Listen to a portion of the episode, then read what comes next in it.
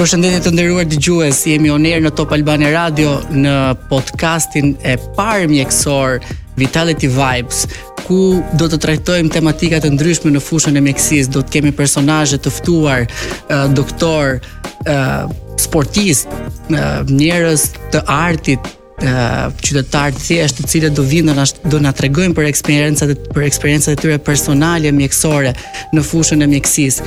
ë do përpiqemi që t'i përgjigjemi pyetjeve tuaja në në një drejtim mjekësor, pse jo informacione ku ë do të jenë të nevojshme për t'i dëgjuar, por ë uh, informacione të cilat shpresoj që dhe ju të na i përcillni në në në podcastin e Top Albania Radios Vitality Vibes i cili starton nga uh, ky vit dhe do të transmetohet çdo ditë të shtunë nga ora 18 deri në orën 19. Me mua sot në studio është një nga mjekët më të famshëm do të thoja në Shqipëri, një kirurg ortoped, i cili quhet Dritan Todhe dhe sot ka ardhur këtu mes nesh për t'u përgjigjur të gjitha problematikave që ne kemi me gjurin. Pra, qëndroni në Top Albania Radio për të dëgjuar ë të gjitha ë sqarimet që ju do të dëshironit të dinit për sa i përket problemeve të gjurit. Doktor mirë se erdhe. Mirë se ju gjeta, faleminderit për ftesën. ë atëherë unë dua t'ju pyes nga vuajnë shqiptarët më shumë nga gjuri. Kush janë problemet që prekin më shumë shqiptarët në pjesën e gjurit? Në fakt shqiptarët vuajnë më tepër nga reumatizma. Ëh, jo, me shaka. Në fakt është një shprehje që ne e dëgjojmë pothuaj në mbi 70-80% të pacientëve që na paraqiten nga gjuri me me ankesa për gjurin, duke u ankuar kryesisht për reumatizmën. Ëh, në fakt ka një justifikim të justifikuar kjo punë e reumatizmës sepse në përgjithësi gjunjit janë organe dyshe dhe që dhëmbin të dy bashkë dhe shpeshherë populli e ngatërron dhimbjen e më tepër sesa një kyçi me pjesën e reumatizmës. Në fakt në fakt problematika e gjunjve është shumë komplekse, interesante, është ende në elaborim e sipër, pra gjithmonë mjekësia synon, hulumton, kërkon për gjetjen e mënyrave dhe rrugëve për të trajtuar sa më shpejt dhe sa më pa dhimbje problematikën e gjurit. Kryesisht shqiptarët kohët e fundit kanë filluar të luajnë sport, kanë filluar të aktivizohen, kanë filluar t'i mëshojnë më tepër jetës së tyre le të themi fizike dhe kjo ka bërë që të rritet numri i pacientëve me problematika të gjurit. Për më tepër, jetëgjatësia në Republikën e Shqipërisë në vitet e fundit e kemi parë që është gjithmonë më e, në statistikat e, e Instatit është gjithmonë më tepër interesante. Kam gjithmonë më tepër pacientë të moshave të mëdhaja, të cilat ankojnë për dhimbje gjuri. Më përpara nuk ishte kjo element. Pra, le të themi, e, gjuri u dhemb të gjithëve, që nga të rinjtë deri në moshat më të mëdhaja. Kur ne bëjmë sport dhe na dhembin gjunjët, Duhet të vijmë te ortopedi apo mund ta kalojmë edhe në në kushte shtëpiake se dëgjoj shumë shpesh pacientë të cilët ë vendosin një akull, vendosin një qepë me krip kur i dhemb gjuri. A është e drejtë kjo kjo zgjidhje në qoftë se mund ta quajmë kështu? Në fakt kjo varet, është relative. Pra, shumë gjëra në mjekësi janë relative, nuk janë absolute. Kjo do të thotë që në qoftë se ne kemi përpara një traumë, pra një pacient i cili traumatizohet përdredh gjurin, dhimbja është e fortë, apo është një dhimbje e cila e, vazhdon prej kohësh dhe tashmë është e rënduar. Sigurisht kjo është një dhimbje që duhet vë, duhet drejtuar pa vonesë tek mjeku. Por në qoftë se bëhet fjalë për një dhimbje jo bezdisëse e cila sapo ka filluar, e, sigurisht që ka mjete alternative të tjera, një qetësues, apo një çik akull e, dhe në mbi 20-30% të këtyre rasteve këto gjëra zgjidhen vetë. Ne kemi shumë e, të rinj, po edhe me një moshë të caktuar do të thoja që po aktivizohen shumë në në sport.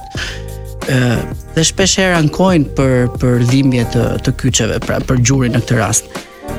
Do të thoja që në eksperiencën tuaj kur këta individë fillojnë sepse në zhargonin në zhargonin shqiptar kemi gjithmonë sa herë na fillon një dhimbje të gjurit themi romatizma ekziston romatizma tek të rinjtë patjetër. Kur duhet të bëhemi merak. Patjetër, sëmundjet reumatizmale, sigurisht që fillojnë me ethen reumatizmale që në moshën 13-14 vjeç, Dhe më pas fillojnë problematikat e tyre dhe më më qartë akoma me kalimin e kohës. Por gjithsesi këto janë probleme të cilat pacientët diagnostikohen dhe uh, unë shpeshherë bëj një shaka me pacientët e mi dhe i them uh, ai që e di nga roma, ai që vuan vërtet nga romatizma e di se ç'është romatizëm, kështu që mos abuzoni me këtë fjalë, pra kam një çik romatizëm.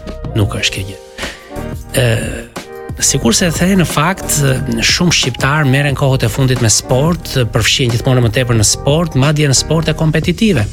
Të famshmet kalçeto kanë vite tashmë që lulëzojnë nëpër Shqipëri dhe për më tepër aktivitetet sportive të organizuar nga federatat e ndryshme të futbollit bëjnë që të aktivizohen gjithmonë më tepër numra fëmijësh, të rriturish dhe të rinjsh në në këto aktivitete fizike, të cilat në fund të fundit sjellin trauma sportive. Po pse duhet të vijnë këto trauma sportive në fund? Në radhë të parë problemi kryesor është keqtrajnimi ose dëshira e këtyre njerëzve thjesht për t'u argëtuar pak në mënyrë kompetitive. Pra, dëshira e madhe për të fituar, për të bërë golin le të them apo koshin apo pikën në volejboll apo etj etj, Shpeshherë çon në ezaurim dhe e, jo rrallëherë në trauma serioze të gjunjve. Përballemi gjithmonë më tepër me trauma e, të rënda të gjunjve me dëmtime ligamentesh, menisqesh, dëmtime kërcesh, të cilat jo rrallëherë janë edhe vështirësisht të trajtueshme. Pra, unë do t'i vija stresin, theksin, le të themi më, më shqip, e, shumë mënyrës së trajtimit ose mënyrës së aktivizimit të këtyre njerëzve. Nuk mjafton që ti të marrësh një top edhe të dalësh të luash me shokët. E, duhet dikush të të mësojë. Duhet dikush të të mësojë se si duhet të nxehesh, se si duhet të luash dhe madje se si duhet të bësh stretchingun në fund fare. Shumë e rëndësishme kjo gjë. Kushdo që hyn i papërgatitur mund të dëmtohet kur të duash. Po në moshat pak uh, më të mëdha, më rastis shumë shpesh nga liqeni që të shikoj nganjëherë njerëz të cilët janë obezë, uh, mbase edhe pleq, të cilët stërmundohen duke ecur, duke vrapuar, uh, I shohim nganjëherë që bëjnë ushtrime të gabuara, a, ose pse jo, ju përmendët uh, fushat e kalçetos, po shikojmë dhe aty mosha relativisht të mëdha të cilët uh, kom, bëjnë kompeticione me të rinjtë se kush luan më fort. A janë të riskuar këta individë për problematika të tilla dhe a sugjeroni ju si një kirurg ortoped i cili është i specializuar në këtë fushë që këta individë të bëjnë sporte të këtij niveli, pra sporte të cilat impenjojnë goxha anën fizike do të thoja. Ë sigurisht, të marrit me sport në këto mosha, pra qoftë mosha të dyta apo të treta, nganjëherë është dëshirë, qejf, pasion, po nganjëherë është edhe nevojë. Nevojë në kuptimin dikush vuan nga diabeti, dikush vuan nga zemra, dikush është mbi peshë dhe dëshiron të dobësohet. Pra, ka nga ata pacientë të cilët mendojnë që ë vrapi, aktiviteti apo dhe vetëm ecja do t'i ndihmojë ata në përmirësimin e metabolizmit të tyre. sigurisht të marrit me sport ose në në procesin e të marrit me sport nuk ka asnjë gjë të keqe. Në mjekësi ne kemi një shprehje që e mësojmë nga viti i parë në fakultetin e mjekësisë, primum non nocere, së pari të mos dëmtojmë. Pra, edhe e marra me sport është ë diçka në të cilën ne duhet ta marrim me pak rezervë dhe me pak kujdes. Po ç'do të thotë? Shumë e thjeshtë. Së pari një herë të mos dëmtohemi. Pra, kur vrapohemi, të mos prishim gjunjët, të mos prishim rrëzët e kofshëve, të mos prishim kolonën. Kjo do të thotë që të vrapojmë në terrene sa më të buta. Të vrapojmë me atlete sa më të buta. Të vrapojmë brenda mundësive tona. Në Se ka mundësi sportin e të vrapuarit ta zëvendësojmë me një sport tjetër më elegant dhe më elitar, siç mund të jetë noti, aq më mirë akoma, apo biçikleta. Pra, diçka që nuk na dëmton pjesët tona mbështetëse. Doktor, prandaj jemi në Vitality Vibes që edhe t'i informojmë sigurisht të, të informojmë audiencën dhe ata që na dëgjojnë se si duhet të, të kryhet aktiviteti fizik, se si mund të bëhet një një lojë apo një, një sport apo një aktivitet i caktuar. Por ë meqenëse ju thatë që ë nuk është mirë që ne të bëjmë aktivitete të cilat mund të dëmtojnë ose ë le të themi ato ato sporte të cilat mund të dëmtojnë. Ju çfarë sugjeroni në këtë rast? Pra çfarë sugjeroni ju tek pacientët të cilët mund të jenë të një uh, moshe të dytë apo të tretë për t'i ruajtur sadopak to problematika që neve i hasim për, në jetën e përditshme, pra për problematikat e konsumimit të kërceve, të prishjes së së për, të gjurit realisht. Pra çfarë sugjeroni ju? Pra, duhet ta lëmë pa bërë aktivitet këtë individ apo mund të sugjerojmë gjëra që Mund ta ndihmojmë në të njëjtën kohë. Populli ka një shprehje dhe thotë qejfi ha dhe kumbulla të tharta. Domethënë ka nga ata që vrapojnë si të munden. Patjetër që ë dëshira jonë dhe sugjerimi jonë është gjithmonë po pati mundësi të vrapojnë në pista sa më të buta me atlete sa më të mira cilësore që të ndjejnë sa më tepër amortizimin e tyre. Kushdo që ka vrapuar qoftë edhe një herë nga liqeni, e bën shumë mirë diferencën midis pistës së butë që ka vendosur bashkia në pjesën e, e digës liqenit dhe për këdo tjetër që vrapon jashtë kësaj piste. Pra, nëse e gjithë pjesa e liqenit do të ishte e veshur me një pistë të tillë, asnjë gjë të keqe nuk do të kishte të vraponte kushdo. Por, për sa kohë që secili prej tyre vrapon jashtë kësaj piste, vrapon në terrene ku të mundet, sigurisht do të përballet nesër pasnesër me pasojat e saj. Sigurisht që e, këto gjëra nuk ndodhin sot për nesër. Kam dëgjuar një shprehje jo më larg sesa pardje që kushdo që vrapon i ka gjunjët e forta. Në fakt nuk është edhe aq e vërtetë. Ata që vrapojnë prej shumë vitesh e ndjejnë peshën e viteve në kuptimin e aktivitetit në sport. Nëse shikon një 60 vjeçar që është marrë me sport dhe një tjetër që nuk është marrë me sport ose qoftë edhe me me me punë të rënda. Ai që nuk është marrë me punë të rënda, sigurisht ka një dekurs shumë më të thjeshtë të një dhimbje të thjeshtë gjuri. ndërsa tjetri jo rrallëherë i nënshtrohet operacionit. Pra ju po thoni që deri diku sporti dhe mund të dëmtojë individin. Patjetër, gjithçka mund të dëmtojë individin. Ne kemi një celular përpara i cili mund të na dëmtojë sytë.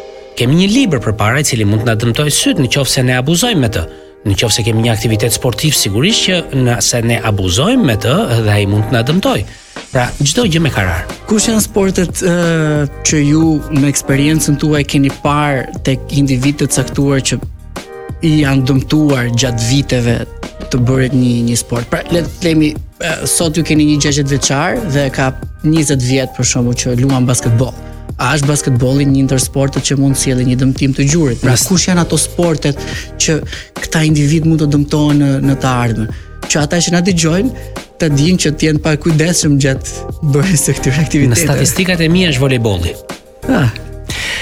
Ndofta duket nga sportet më të thjeshta sepse lojtarët janë më statikë, nuk janë kaq aktivë sa ç'është basketbolli, por në raport me ata që e luajnë, domethënë me aq pjesë e popullsisë që e luajnë krahasuar me futbollin, realisht volejbolli, sepse dëmtimet në volejboll janë kryesisht treshe. Pra, ka dëmtime ligamentesh, menisjesh dhe kërcesh. Ndoshta kjo vjen nga rëniet, nga dëmtim, nga nga kërcitjet, nga ngritjet në bllok apo goditjet me me, me zhytje. Shumë e rëndësishme është sepse volejbollistët rrallë herë i kushtojnë vëmendje ekuilibrit, propriocepcionit. Sa herë që ata bien nga bloku apo nga goditjet e, në rrjet, e, jo rrallë herë gjuri i tyre shkon keq dhe dëmi është i konsiderueshëm. Ju si i zgjidhni të tilla raste? Domethënë i, i drejtoni gjithmonë drejt kirurgjisë apo ka raste konservative që uh, individë të cilët kalojnë në një fazë dëmtimi mund të bëjnë qoftë edhe në kushte shtëpiake, po qoftë edhe në mënyra të tjera alternative për të për të për t'i dhënë një zgjidhje problemit. Edhe kjo është relative. Edhe kjo është relative sepse varet çfarë kërkon pacienti. Në qoftë se pacienti kërkon të kthehet menjëherë në sport ose të kthehet në sport dhe e dyta dëmtimi është i konsiderueshëm. Për këtë ka Leitlinie, ka ë uh, orientime mjekësore, të cilët mjekët i dinë dhe i njohin ose ato që ne i quajmë në gjuhën tonë më të thjeshtë akoma indikacione, ë uh, përcaktime se kur duhet operuar dhe kur nuk duhet operuar. Në përgjithësi dëmtimet e gjunjëve në pjesën sportive janë mekanike dhe si të tilla shumica operohen. Ju si mjek, çfarë i sugjeroni Pacientëve tuaj, pra çfarë sportësh mund të bëjnë që mos të dëmtohen në të ardhmen? E ke fjalën duke lënë mënjanë shahun. Noti është nga sportet më Jo, yoga mbase do ishte, nuk e di a, jo, jo. mund ta quajmë sport, vetëm, po vetëm javën e kaluar kam operuar dy pacientë eh, që bëjnë yoga. Ashtu. Po, po. Kështu që eh, edhe yoga nuk është sport pa trauma.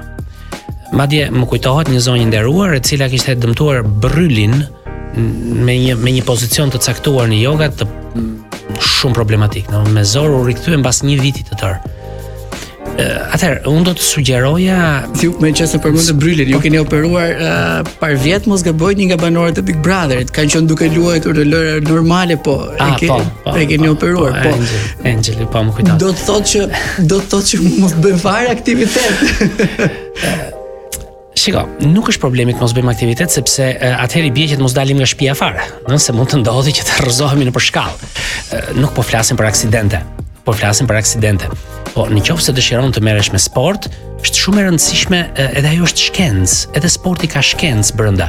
Ajo ka nxehje, nxemjen, ajo ka mënyrën se si zhvillohet sporti, ka pjesën tjetër që është stretchingu dhe ka frekuencën e caktuar si duhet të merresh me sport dhe intensitetin e caktuar. Pra, nuk mund të luash me sport për sport deri në ezauriment të plotë, domethënë. Gjithsesi tek moshat e dyta dhe të treta besoj që do ishte ideale që aktiviteti që ata mund të bëjnë të jetë më i le të themi sa më i padëmshëm për për gjurin në këtë rast. Pra, le të themi këto, noti apo aktivitetet të cilat nuk kanë shumë goditje, trauma që mund të na sjellin problematika në t'ardhme, besoj ju i sugjeroni dhe janë janë lehtësisht të, të bëshme mendoj edhe nga nga individët dhe që mund t'i mund ta ruajnë veten e tyre në t'ardhme. Qyteti shqiptar nga i cili kam operuar më pak pacientë me gjurin është Shkodra.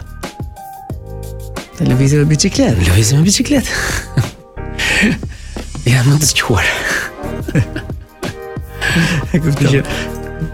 Doktor, ne kemi ne kemi edhe një rubrikë në në rrjetet tona sociale ku Qytetarët që na dëgjojnë, pacientë të mundshëm se jo uh, bëjnë pyetje përgjigje. Kështu që ne na ka ardhur një pyetje ku ë uh, tho thotë uh, pyete pak doktorin mm, i ndjej gjunjët sikur më janë tharë lëngjet. Çfarë do thotë kjo? Eh, në fakt është një shprehje që ne e dëgjojmë jo për ditë, pothuajse në në a thahen lëngjet në fakt. 60-70% të pacientëve që shohim në çdo ditë vizitash. E, po, e vërtetë është, është një shprehje e cila nënkupton artrozën. E, paradoksalisht, ato lëngje për të cilët e ka fa, e ka fjalën pacienti dhe pacientët në përgjithësi nuk thahen, po shtohen.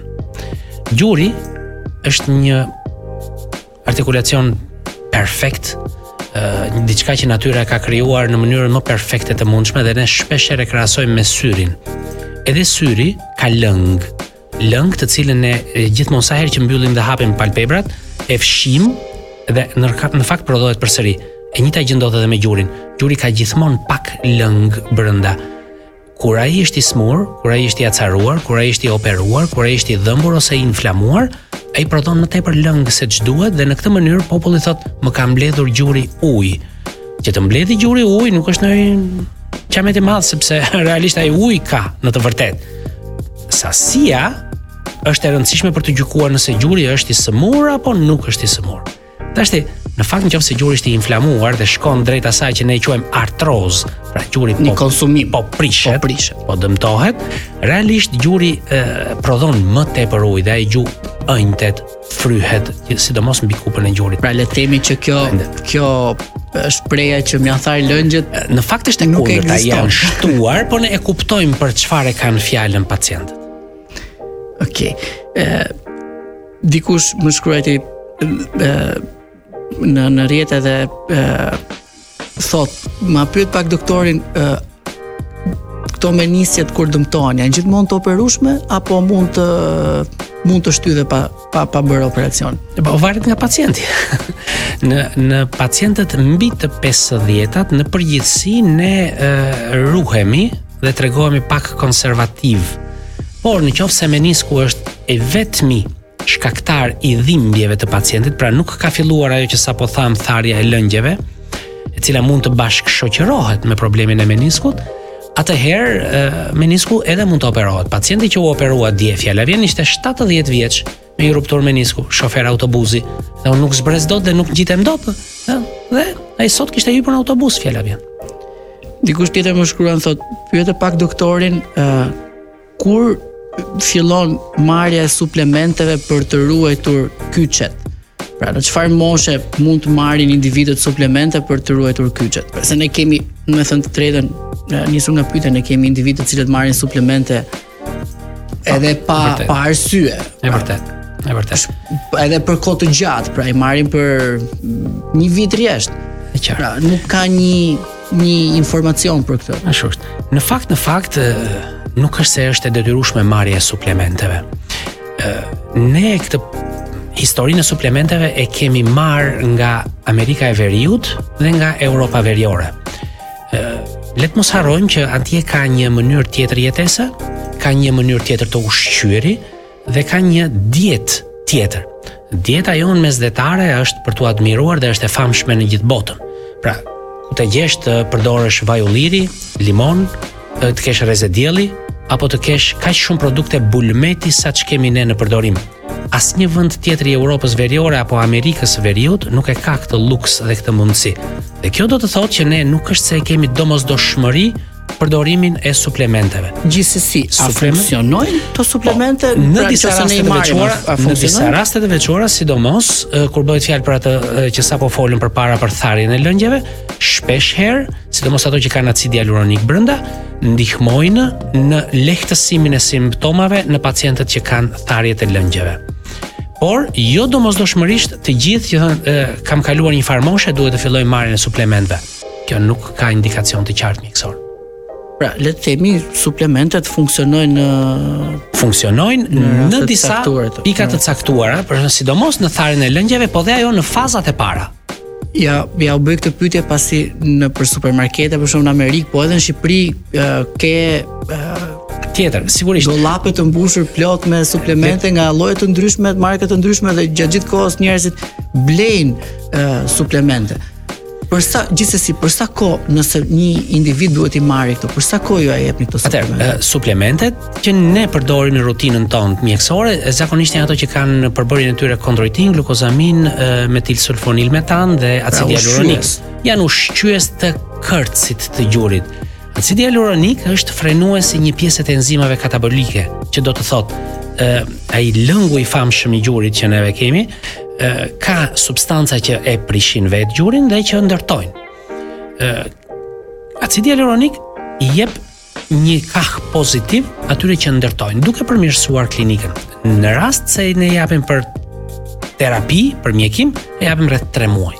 E kuptoj. Po për forma parandalimi, diçka jo. që diçka që njerëzit mund të marrin që të ruajnë problematikat e kësaj natyre në të ardhmen. Jo, këtë gjë këtë gjë nuk mund ta parashikosh dot që një ditë të bukur do të të dhëmbin gjunjët, mund të ndodhet mos të të dhëmbin gjunjët tërë jetën tënde, por e, mundet që gjunjët të dhëmbin, ti merr suplemente ushqimore dhe ato nuk të bëjnë asgjë. Pra këtë gjë në fakt e vendos mjeku. Doktor, Uh, një këshillë për dëgjuesit për sa i përket uh, sportit dhe mirëmbajtjes. Uh, në fakt uh, sot ka një presion të madh nga të gjitha anët për t'u marrë me sport. Merruni me sport, të gjithë të këshillojnë të merren me sport, etj. Uh, Sigurisht, në, në procesin e të marrit me sport nuk ka asnjë gjë të keqe. Është një aktivitet fizik të cilën të gjithë ata që kanë qenë vite përpara të rinj e dinë shumë mirë se sa mirë të bën në kuptimin e një organizmi të shëndetshëm. Por duhet të kenë kujdes, duhet të ruhen, nuk duhet të merren me sport pa mend. Duhet të merren me sport në kuptimin që të ruhen fizikisht, mos dëmtojnë gjunjët, mos dëmtojnë asgjë në organizmin e tyre. Përndryshe nuk janë duke u marrë me sport, janë duke shkatërruar veten. Doktor, ishte kënaqësi që ju kisha sot në Vitality Vibes. Shpresoj që të kemi takime të tjera për të folur për tematika të tjera për sa i përket problematikave që në popullatën e gjerë ekzistojnë. Dhe Ë ju uroj suksese në punën tuaj dhe në ato që ju bëni gjatë ditës tuaj sepse unë e di mirë që jeni shumë i impenjuar dhe në fakt është një kënaqësi që ju kisha sot në studio. Faleminderit shumë, faleminderit për ftesën dhe ë do t'ju uroja për këtë iniciativë kaq pozitive për të ndërgjegjësuar pak njerëzit që jo vetëm të merren me sport, por edhe të kujdesen pak për veten e tyre. Faleminderit doktor. Ju lutem. Të nderuar dëgjues, ishim në Vitality Vibes në valët e Top Albania Radios 100 MHz. Do shikohemi dhe do dëgjohemi në episode të tjera. Deri atëherë, ju uroj një ditë të mbarë dhe shpresoj që të qëndroni në Vitality Vibes për të marrë sa më shumë energji pozitive dhe informacione mjekësore.